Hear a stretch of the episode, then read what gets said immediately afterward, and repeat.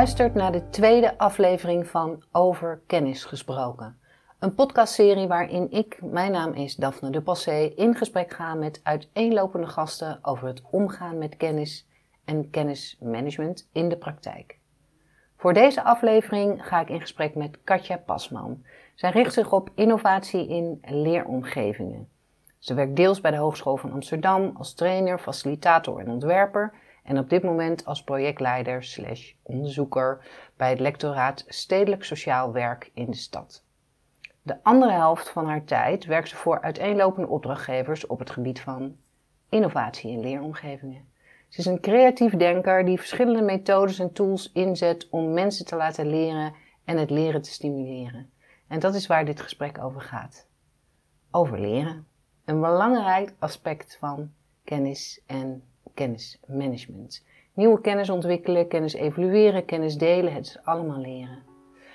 Een gesprek met heel fijn, veel concrete voorbeelden en praktische tips voor in de praktijk.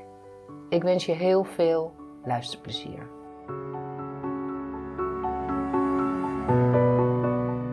Welkom Katja in deze virtuele podcastomgeving. Dankjewel. En um, we hadden het er net heel kort in het voorgesprekje over dat wij elkaar tien jaar, volgens jou, hebben tien jaar geleden hebben ontmoet uh, in de context van de Hogeschool van Amsterdam, waar jij docent kennismanagement was, onder andere. En uh, volgens mij vloog ik toen af en toe in uh, voor gastcolleges en begeleiden van, van studenten. Ja. En inmiddels, ik heb je al even geïntroduceerd, maar inmiddels werk je uh, nog steeds voor de Hogeschool van Amsterdam, maar in een andere rol. En uh, je werkt deels, heb je je eigen bureau samen met iemand, toch? Ja, met, uh, met Japke Keesmaart ehm, van Parks Amsterdam. En je hebt een eigen website, zag ik, toekomstvanamsterdam.com. Toekomst van onderwijs. Uh, sorry, ja, toekomst van uh, onderwijs. Ja, oh, ja. ja. Maar die site is wel leuk. Hè? Die site, um, die ben ik dus inmiddels ook al, denk ik, inmiddels bijna tien jaar geleden begonnen. Die is, heeft zich telkens verder vormgegeven. En ben ik begonnen met het, uh, het schrijven eigenlijk over wat ik deed in het onderwijs met studenten. En vooral over de succesverhalen, hoe studenten zeg maar leerden, wat er werkte in hun leren, zeg maar. Oké. Okay. Ja, want het is wel, um, dat is wel goed om even te zeggen. Want ik heb jou gevraagd als, uh, als gast voor deze podcast. Um, omdat jij uh, je echt bezighoudt en daar ook heel veel van weet um, op het gebied van leren en innovatie in leren, innovatieve leeromgevingen. dus dat lijkt me heel tof om het daar met jou, om het daar met jou over te hebben. Ja. En jij zet van allerlei methoden en tools zet je in om dat, dat leren op gang te brengen of te stimuleren. Of kun, kun je iets daarover zeggen? Ja. ja, het is wel leuk, want als je teruggaat naar de tijd, hè, naar tien jaar geleden. Ja. Ik ben ongeveer, even denken hoor, twaalf jaar geleden begonnen bij de Hogeschool van Amsterdam. Maar ik kom dus uit uh, de, de Human Resource uh, vakgebied. Ik was HR-adviseur. Uh, maar een hele omslag naar uh, docent zijn. En wat ik toen tegenkwam in de klas was vooral een leeromgeving. En dan kan je iets bij voorstellen, hè, dat, dat studenten dan op stoeltjes zitten, achter een tafeltje, ja. alleen. En een soort van oldschool ingericht. En dan mij ja. zaten aan te staren van, ja mevrouw, u bent docent, u gaat toch vertellen wat wijsheid is. U heeft de kennis in huis. Ja. En uh, ik kwam er dus achter dat ik dat dus helemaal niet heb ja, ik heb portie ervaring, maar ik heb natuurlijk niet alle kennis in huis. Dus ik, en ik, ik, uh, mijn ervaring in de klas in het begin was, dacht ik, hé, wat gek hè, dat die studenten nou mij aan zitten te kijken. Het gaat erom dat zij naar zichzelf moeten gaan kijken en uh, gezamenlijk uh, onderzoek kunnen doen naar de thema's die er speelden, zeg maar, waar ze iets over moesten leren. Dus ik ja. ben heel veel dingen gaan uitproberen in de klas. En zo is het eigenlijk begonnen met, als je het hebt over dat hele innoveren in leren. Dus ik ben heel veel gaan experimenteren in mijn eigen onderwijs, in mijn eigen lessen. En ik kwam er aldoende achter dat studenten eigenlijk niet in een klaslokaal optimaal leren. Dat was één ding. Dus als je het hebt over een inspiratievolle um, ja, omgeving, vind ik een klaslokaal, hoe vooral als je kijkt naar de Hogeschool van Amsterdam, dat is dus allemaal wit. Witte stoeltjes, witte tafels. een lichtgrijze vloer en een uh, witte muur. Ja. Um, is, is weinig inspiratievol. En, um, en dat, dat kwam ik elke keer weer tegen op in die, in die klaslokalen, dat studenten eigenlijk een andere behoefte hadden. Dus ik ben gaan experimenteren om naar buiten te gaan, onder andere. Okay. door ze ja, opdrachten te geven. Dan zei ik, dan ging het bijvoorbeeld over uh, ziekteverzuim. En dan zei ik, nou, gaan jullie maar eens uh, de straat op en kijken of je vijf mensen kunt spreken om eens te achterhalen hoe zij, uh, wat voor werk ze hebben en hoe hun arbeidsomstandigheden zijn. En wat te maken heeft met ziekteverzuim of ja of nee. Nou, die, die studenten gingen los en die kwamen helemaal vol energie terug met, met de ervaring dat ze dat mensen hadden gesproken. En dat pakte ik dan op en daarna kon je zeg maar verder aan de slag. Uh, maar ik ben ook heel erg gaan experimenteren, wat jij zei, met allemaal verschillende methoden. Dus met design thinking ben ik gaan experimenteren. Dus op een andere manier eigenlijk onderzoek gaan doen en aan de slag met het bouwen van prototypes. Dus ik nam echt mijn plastic mee. En mijn hele plastic bak nam ik mee en mijn vuilnis, zeg maar, dat stort ik zo op die tafel, zodat ik alle tafels aan elkaar. En dan zaten die studenten me echt aan te kijken, wat gaat zij nou doen? En dan, nou, we gaan iets bouwen.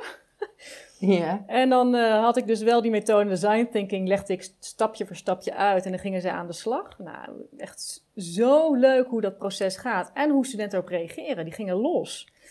En kun je dus, een voorbeeld noemen van wat, wat ze dan bijvoorbeeld gingen bouwen?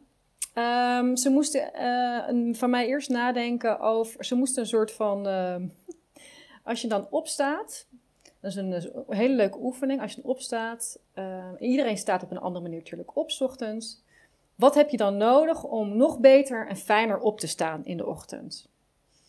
En voor de een was, nou, ik heb een wekker nodig met een extra zoomer, of er moet iets uitkomen, of er moet meteen een kopje koffie op tafel komen of naast mijn bed. En de ander zei, nee, ik wil nog iets met mijn hond s ochtends doen. En dan gingen ze voor elkaar oplossingen bedenken. Uh, dus eerst kleine interviewtjes en na oplossingen bedenken, maar die werden dus meteen al in een soort van ja, prototype gemaakt, zeg maar. Dus ze moesten dingen maken. Ja. Um, zo kwamen de grappigste wekkers uh, kwamen dus zeg maar uh, op tafel. En dan gingen ze met elkaar die, die prototypes testen. En vooral ook bij elkaar. Hè? Van, nou, werkt deze wekker eigenlijk wel? En uh, wat voor feedback heb jij dan voor mij?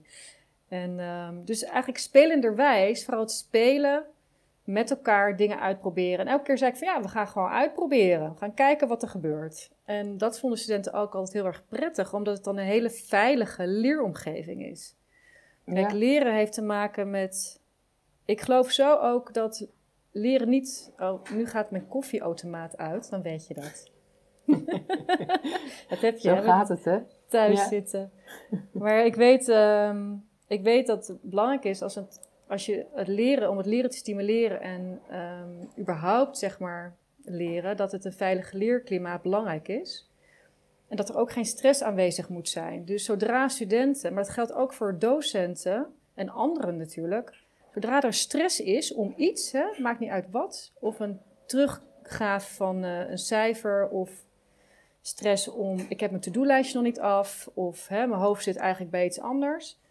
Um, mm gaat het ook als in bij oefeningen en dat soort dingen? Ja, zeker. Maar ook um, te weinig pauzes nemen of niet even aandacht besteden aan ja, hoe gaat het nou eigenlijk met je. Dus mm um, als je stress eerst wegneemt, dan zorg je ook dus dat het leerklimaat meteen uh, er staat en veilig is, zeg maar. En als je zegt, joh, we gaan dingen uitproberen, dat betekent mm -hmm. dus eigenlijk al, je mag fouten maken, als ik dat zo ja. zeg. Want we gaan dingetjes ja. uitproberen, we zien wel wat het wordt.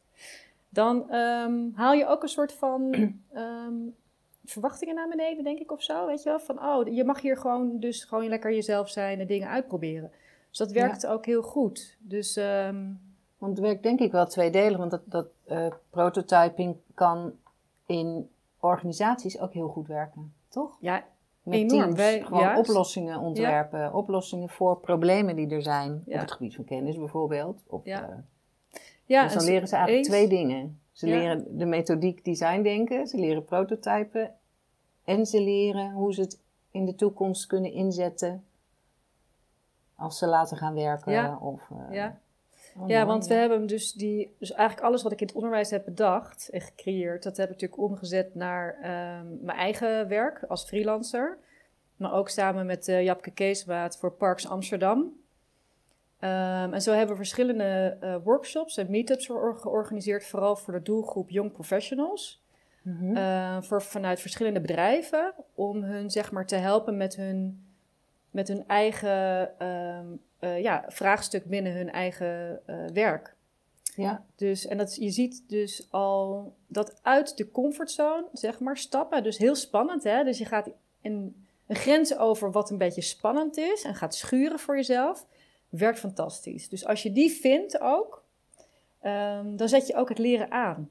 En dan daag je eigenlijk mensen uit in um, ja, jezelf eigenlijk uitdagen en prikkelen van ik ga een stapje verder. Dus ik durf nu wel te springen, zeg maar. Ja, als je ergens op een mooie berg staat en je mooi in de, zo in de zee mag springen of zo. Of een duikplank of, uh, of bungee jumpen heb ik nooit gedaan trouwens. Lijkt me echt heel eng. Maar, maar dat, dus dat uit die comfortzone, dat werkt heel goed. Ja. En, ehm, en dat is al, al, dat creatieve proces is al voor veel mensen uit hun comfortzone gaan. Ja, waarmee je dus eigenlijk bijna automatisch in een leerstand komt. Ja. Want als je iets niet kent, dan moet je iets anders gaan doen. Ja, juist. ja, en het is het spannende, dus het spannende uh, ervaren ook, zeg maar. Dus het ook er, er doorheen gaan. Dat is wel een mooi voorbeeld ook. Ik uh, doe ook, um, ik geef ook uh, methode art-based learning. In, mm in veel in musea gedaan. Ook voor het Van Gogh heb ik daar veel mensen, zeg maar, in begeleid.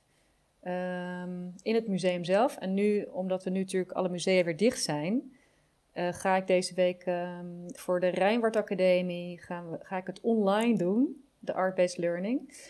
En dan gaat het heel simpel, is het eigenlijk heel leuk om te doen. Het is een soort reflectietool voor jezelf. Maar je gaat aan de slag met kunst. En aan de slag gaan met kunst, en dat is al voor veel mensen heel spannend. Dus als ik zeg tegen jou, Daphne, we gaan, we gaan met een kunstwerk in gesprek. En we gaan echt heel goed naar het beeld luisteren. Mhm. Dan zou je ook denken, hmm, ja zie je, begint al een beetje te... De luisteraar kan mijn gezicht niet zien. Nee. ik denk echt, wat moeten mensen hiermee? Ja, nee. precies. Ik heb, het, ik heb het toevallig zelf een keer uh, uh, gedaan, toen ik de opleiding aan de UvA deed. Oh ja. Toevallig. Oh, ja. tof. Maar dat heette beeldtanken. Ik weet niet of dat hetzelfde is. Um, beeldtanken? Nee, weet ik niet. Ik, um, ja. Dat was heel, de, heel soort, dan, dan werd je het museum ingestuurd met de opdracht: je mag met niemand praten, een uur lang, je mag ook niet oh. eerder eruit. En je moet een vraagstuk, een, uh, een zakelijk vraagstuk, dus uit je organisatie, toen uh, werkte ik bij de gemeente Amsterdam, uh, in je hoofd. Dus echt een, een groot, complexe issue. En ehm, de belofte was dat je binnen het uur in het museum je antwoord zou vinden. Echt super tof. En dat werkte dus echt. Dat werkte dus dat werkte echt. Ja. En ik was heel opstandig natuurlijk. Net zoals ik net kijk, dat ik echt denk, ja, jeetje, in echt niet. Nou, ze noemden dat niet in gesprek met, maar van, nou, dit gaat echt niet werken, werken. Maar door al die opstand ging ik dus zeg maar heel dwars ergens op een binnenpleintje wat niet bij het museum hoorde, zag ik een vuilnisbak. En daar vond ik mijn oplossing. Oh, wat geestig. Ja, ja. Dus dan ga je maar goed, maar dat is niet ingezet, dat is iets anders misschien. Uh... Nou, het is, er zitten wel dezelfde elementen in. Want uh, je wordt uitgedaagd om eigenlijk iets te doen waar je denkt, ja, doei, weet je wel. Dus er ontstaat inderdaad altijd wel weerstand bij. Uh, als ik ook zeg, we gaan nu met het kunstwerk in gesprek, dan zitten mensen me echt zo aan te kijken. Ja, ja. ja. En dan ga ik nog erger, ga ik nog erger maken. En dan um, in musea, dan, ja, en als ga ik daarnaast staan, naast zo iemand bij een schilderij, en dan ga ik zeggen van ja Probeer nou eens je in het kunstwerk te verplaatsen. Dus ga er nou eens naast zitten, naast die meneer op die stoel. Ga je nou verbeelden dat je daar zit. En hoe, wat, voelt, wat voel je dan als je daar dan zit op die stoel? Um, nou ja, dat, dat soort... Je hebt er ook echt heel plezier in, hè? Beetje ja, dit, de, dit is heel de, leuk ja. een beetje tegen de draad in. Mensen proberen in een andere stand te krijgen. Zodat, zodat er wat anders gebeurt dan dat ze normaal doen. Ja, en dat werkt, en dat werkt heel goed. En er zijn echt ook wel. Er zijn ook wel mensen die echt, dat, daar helemaal wat jij zegt, in de weerstand blijven. Hè? En dan werkt het ook, want als, het niet, ja, als je het niet op een gegeven moment omarmt, dan zeg ik ook heel vaak, ik, ik begrijp wel dat het een beetje vaag klinkt, maar probeer het nou, zeg ik dan. Probeer het gewoon. Weet je, als het niet werkt, is het niet erg. Ja. En dan gaan mensen het toch proberen. En wat zo mooi is, wat ik heel mooi vind, is dat er vaak resultaten uitkomen waar ik denk, ja, Jij hebt het, ja, het is bij jou gelukt. Het werkt dus heel goed. Er komen dan hele mooie Ze gaan uiteindelijk een verhaal schrijven of een gedicht. En dan komen zulke mooie. En dan gaan ze weer terug redeneren naar hun. Je begint met een vraag, hè? Met een vraag aan jezelf stellen. En uiteindelijk schrijf je een verhaal of een gedicht. En dan ga je uiteindelijk weer terug redeneren naar die vraag, die persoonlijke vraag. En dan komen er zulke mooie nieuwe inzichten uit. En daar zit het leren door eigenlijk kunst te gebruiken als een soort spiegel om naar jezelf te kijken. En gaat het dan vooral om, om individueel leren, dus je, je persoonlijke ontwikkeling? Of zie je het ook als in leren in teams, bijvoorbeeld in een oor? Want uh, voor het Van Gogh werk je dan voor een team? Voor het Van Gogh? Nee, Van Gogh was uh, ook een individueel uh, leerproces. Dus mensen die met een eigen individuele vraag maar wat leuk, wat, je, wat interessant wat je zegt, want je zou hem ook kunnen insteken met een organisatievraag. Ja. Dus als je, wat jij zegt, ik was toen het museum ingestuurd met een vraagstuk uit mijn organisatie, zoek maar een oplossing. Dat kan je dus wel doen, maar dan moet je een gezamenlijke vraag starten. Uh, en, en dan hetzelfde proces, dan ieders eigen proces en dat gezamenlijk dan delen daarna. Dus dat dialoog daarna is dan heel belangrijk.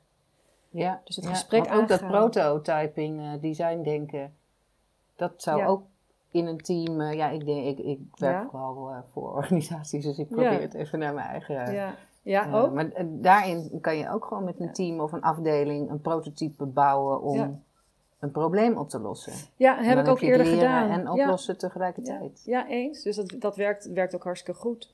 Het hangt natuurlijk vanaf wat, wat, de vraag, wat voor vraagstuk er is en wat, wat er, waar de behoeften liggen.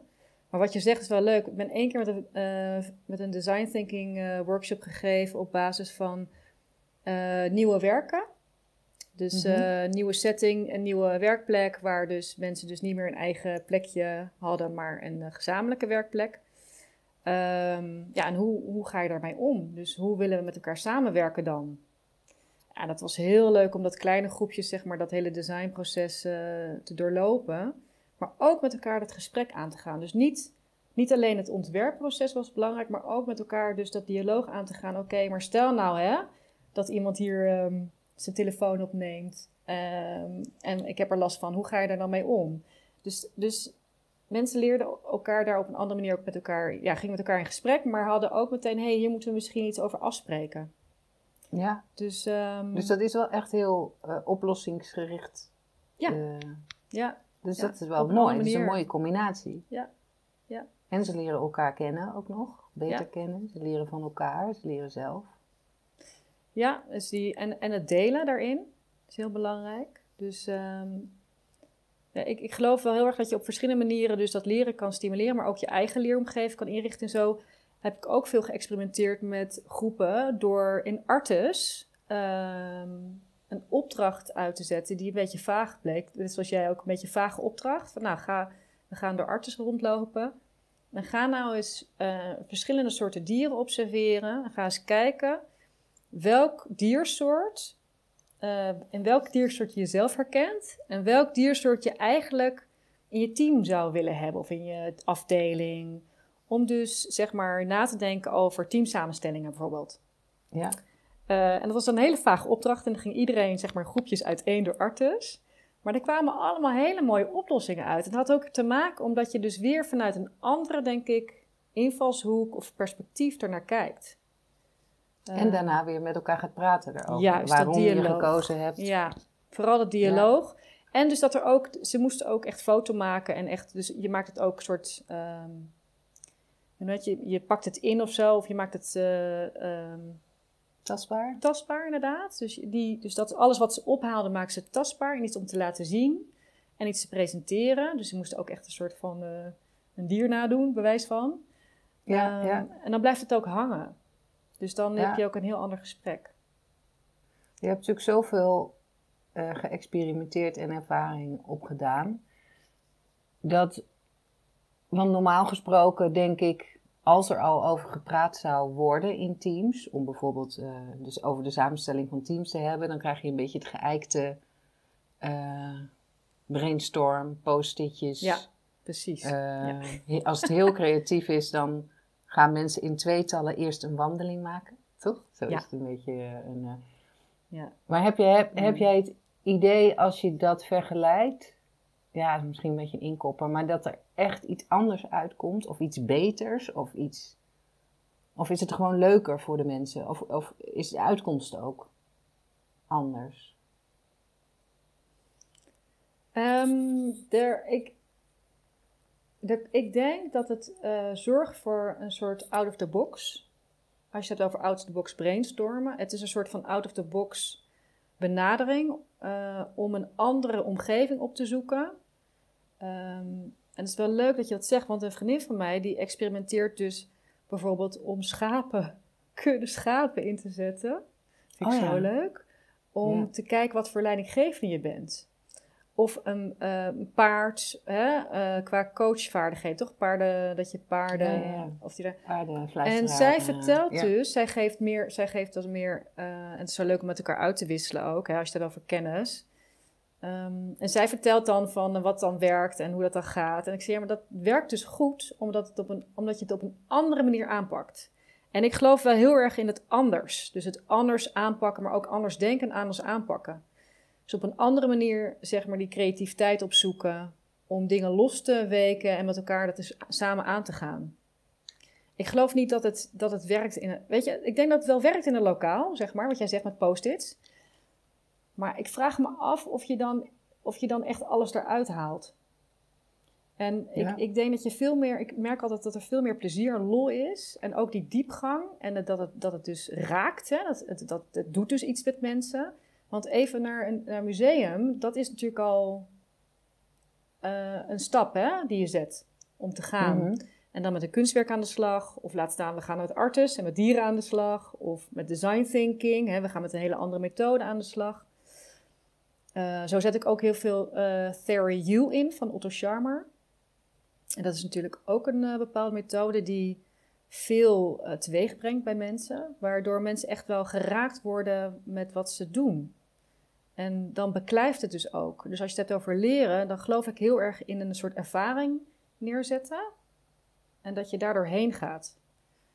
Dat je door die ervaring leert. Doet. Ja. Echt actiegericht leren. Ja, ik geloof, ik geloof heel erg in, in ehm, het ervaren eigenlijk. Dus betekenisvolle ervaringen neerzetten, zeg ik altijd. Mhm. Ehm, door iets te, inderdaad te, te doorvoelen met aandacht en ook die reflectie daarop uh, te pakken, zeg maar. Dus wel te reflecteren van wat is er nu eigenlijk met me, wat is net gebeurd. Ja. Um, ik vraag ook altijd, als een hele mooie check-out vraag van, hè, wat is er nou iets in je veranderd? Is er iets in jou gebeurd nu? Qua gevoel of qua inzicht. Dan krijg je ook al de helft van de mensen die zeggen, ah, jeetje. Of niet? Nee, ja. ze zeggen, wat is dit ook weer voor vraag? Ja, ik, dat, is wel dat, dat, denk, dat denken dat uh, wordt aangezet. En er zijn mensen die daar heel goed meteen antwoord op kunnen geven, omdat ze die ervaring hebben gedaan. Ja, ja. Maar als ik hem zo aan jou stel, ehm, dan is het... Uh... Ja, precies. Het is wel de check-out. Ze, hebben ze hebben jou dan al een tijdje meegemaakt. Precies, ja. En ze zijn al ergens doorheen gegaan. Ja, ja. ja. ja. Want in, in, ik denk dat even aan de zakelijke omgeving denk, oh ja, dan, dan de helft loopt gewoon weg bij zo'n vraag. Maar dat is natuurlijk niet waar. Als ze al met z'n allen er helemaal doorheen zijn gegaan, dan is zo'n vraag heel erg passend, toch? Ja, mijn ervaring is dat dat dus dat, dat ook, ook, ook in het zakelijke leven dat, dat, dat uh, collega's daar antwoord op geven. En sommigen vinden het dan misschien te persoonlijk om dat te delen. Maar ik zeg altijd, als je het weer over veilig leerklimaat, zeg ik, het is niet verplicht om het te delen. Dus ik stel altijd de vraag en dan wacht ik even af. En dan zie ik ook wel gezicht van hmm. En dan een aantal zullen antwoorden. En dan zeg ik op een gegeven moment, is oké. je hoeft het dus niet te delen. Maar het is wel leuk als je het deelt, zeg ik dan. Ja, ja, ja precies. dus er zit altijd soort, nog een soort charme-offensief zit er uh, aan vast. Ja. Bij mij, ja. Oh ja, mooi. Ja. want ik kijk ondertussen even naar de tijd. Als ik het probeer in een soort samenvatting, als jij denkt... Uh, nou ja, nee, niet, niet een soort samenvatting, maar ik haal er een paar aspecten uit. En dat is uh, plezier, ja. uit je comfortzone, uit de, uit de omgeving ook. Het persoonlijk maken. Ja. Het leren persoonlijk maken. Ja, geen stress, hele belangrijke. Geen, oh ja, en uh, geen stress. Dus, Veilige leeromgeving, die vind, ik ook, uh, vind ik ook een mooie. Dat zijn eigenlijk allemaal tips die iedereen mee kan nemen. In, en waar die ook mee bezig is op het gebied van kennismanagement en leren, denk ik. Ja, en ook... Die, Eigenlijk alles wat je in teams doet, denk ik nu. Ja, zeker. Ja. Maar ook goed, verder dan leren ook zelfs. Ja. Het gaat erom dat je goed nadenkt, wat, wat, wat is de behoefte van, uh, van de groep, zeg maar. Wat willen ze bereiken? Wat moet er straks uitkomen? Of wat willen ze straks dat er uitkomt eigenlijk? Dat is veel mooier als je zo denkt. En op die manier uh, nadenken over een uh, workshop of een training of een heidag of een... ja. En dan gaan nadenken, hoe kan ik het nou zorgen, wat je zegt, met out of the comfort zone, dat het veilig is, dat mensen zich veilig voelen om, om ook iets te delen met elkaar. Dat is het allerbelangrijkste. Ja. Um, nou, want die, deze soort basisdingen noem ik maar even, voordat je ook maar iets gaat ontwerpen wat je, wat je samen gaat doen. Ja. Ik denk uh, niet dat dat bij iedereen heel erg uh, in het vizier zit, vooral die veiligheid ook. Ja, en ik, plezier dat, is ja. ook onderschatten, toch? Ja, ja zeker. Ik denk, uh, ja. En gewoon een beetje relaxed ook. Ik, ik denk dat vaak dat... Ik merk nu, online is het allemaal heel snel hè, en efficiënt. En, uh, maar er is geen... Niemand maakt meer grapjes. Nee, net als deze podcast. Moet binnen een half uur, anders luisteren ze niet meer. Nee, ja. ja. En de, de, andere methode is trouwens ook een hele tof methode. Daar heb ik net uh, het tweede niveau van uh, gehaald, van Deep Democracy. En uh, daar leer je dus ook, en dat heb ik eigenlijk altijd al gedaan, maar om een goede check-in. Dus te starten met een hele goede check-in, zodat je ook voelt wat er in de groep speelt qua energie. En daar kan je dus uh, als facilitator of als trainer of hè, begeleider, kan je, daar, kan je daar iets mee doen. En je kan hem ook zelf beïnvloeden. Dat is heel interessant. Je, de, je bedoelt dat je de vraag kan nou, door, of de uit, de, wat, ze, wat ze met de vraag gaan doen. Nee, je kan de energie, kan je er later, kan je met de energie daar zelf iets, je kan het zelf beïnvloeden door zelf je eigen energie bijvoorbeeld in te stoppen. Hè? Dus het hangt vanaf wat voor vraag je stelt. Maar een mooie vraag zou zijn, hè, hoe voel je je vandaag? Zou een hele mooie vraag zijn om te starten, om er echt even mee bezig te zijn. Maar ook bijvoorbeeld, hè, wat, uh, heb je iets bijzonders meegemaakt van, van, vanaf gisteravond tot nu? En wat is dat dan? Ja. Uh, dus je kan. Uh, oh, dat vind ik wel een leuke vraag. Ja, heb je iets ja. bijzonders meegemaakt? Ja. Want dan kunnen mensen ook zelf kiezen hoe persoonlijk ze gaan worden. Ja. En wanneer was je nou in je element vorige week? Wat was dat dan? Ja. Dat is ook zo'n mooie vraag. Er zijn hele mooie, je kan hele mooie vraag stellen aan het begin, waarin je dus uh, zorgt inderdaad wat jij zegt, dat je je persoonlijke ik laat zien, laat spreken. En als je zelf daarmee start, op een positieve manier, dan zorg je ook al dat ik, ik stel me kwetsbaar op. Mm Omdat ik mijn eigen persoonlijke ik laat horen. Maar dan zorg je ook dat de groep dat verder oppakt. Ja. Dat vind ik, dus, dat vind ik ook mooie oefeningen om mee eh, te experimenteren. En hoe dat werkt in groepen. Ja, dus daar kan je ook even... wel mooie, mooie, concrete tips ook. Ja, maar we kunnen nog een half uur doorkletsen. Ja, nou misschien moeten we gewoon... Uh, want uh, jij, jij bent sowieso, je, bent, je liet ook net voordat we begonnen de, een boek zien wat je nu aan het lezen bent. Ja, de en, kracht uh, van verbinding. De kracht van verbinding en uh, over gezondheid, gezondheid van de mens in relatie ja, tot... van Vivek Murthy. Ja, in relatie tot de verbinding met anderen, toch? Dat is dan ja, de... dus het begrijpen van de eenzaamheid en hoe je zeg maar die sociale verbinding kan stimuleren ja. verbeteren. Maar ja, zo, en zo heb jij nog, dus volgend, volgend jaar kan ik weer een podcast met je doen en, uh, en over een half jaar ook en over een maand ook.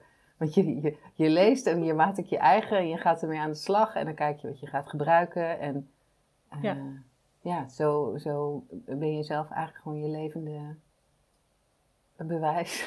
Nee, ja, maar het is wel leuk dat je het zegt. Dat is wel mijn manier van leren, inderdaad. Ik, ik door, door te experimenteren en dan soms een boek erbij te pakken en te lezen en dingen. Ja, dus elke keer maar weer te, in diep te springen van ja, kijk maar hoe het gaat. Ja, net, ja. Zoals, net, net zoals dit gesprek, uh, Daphne. Ja, precies. nou, volgende keer ga ik het dus anders doen. uh, ja, ja, ja. Nou, je bent een heel mooi, mooi voorbeeld van uh, practice what you preach. Dat doe jij dus gewoon echt zelf. Nou, dus dat is hartstikke ja. mooi. Ja. Nou, we gaan, we gaan, uh, we gaan nu gewoon uh, afronden. Ja, maar uh, misschien doen we. doen we een bonus track met, met jou of zoiets. Of ja, misschien leuk. als je terugluistert dat je het zo leuk vindt dat je dan mij weer belt en dat je zegt, mag, mag ik gewoon nog een keer? Ja. Dat zou kunnen. Nee, super bedankt. Echt een mooi, mooi, mooi gesprek. Ook ik heb weer veel geleerd en ik hou ook heel erg van die praktische praktische dingen en de voorbeelden die je hebt gegeven. Leuk. Dankjewel, Katja. Dankjewel.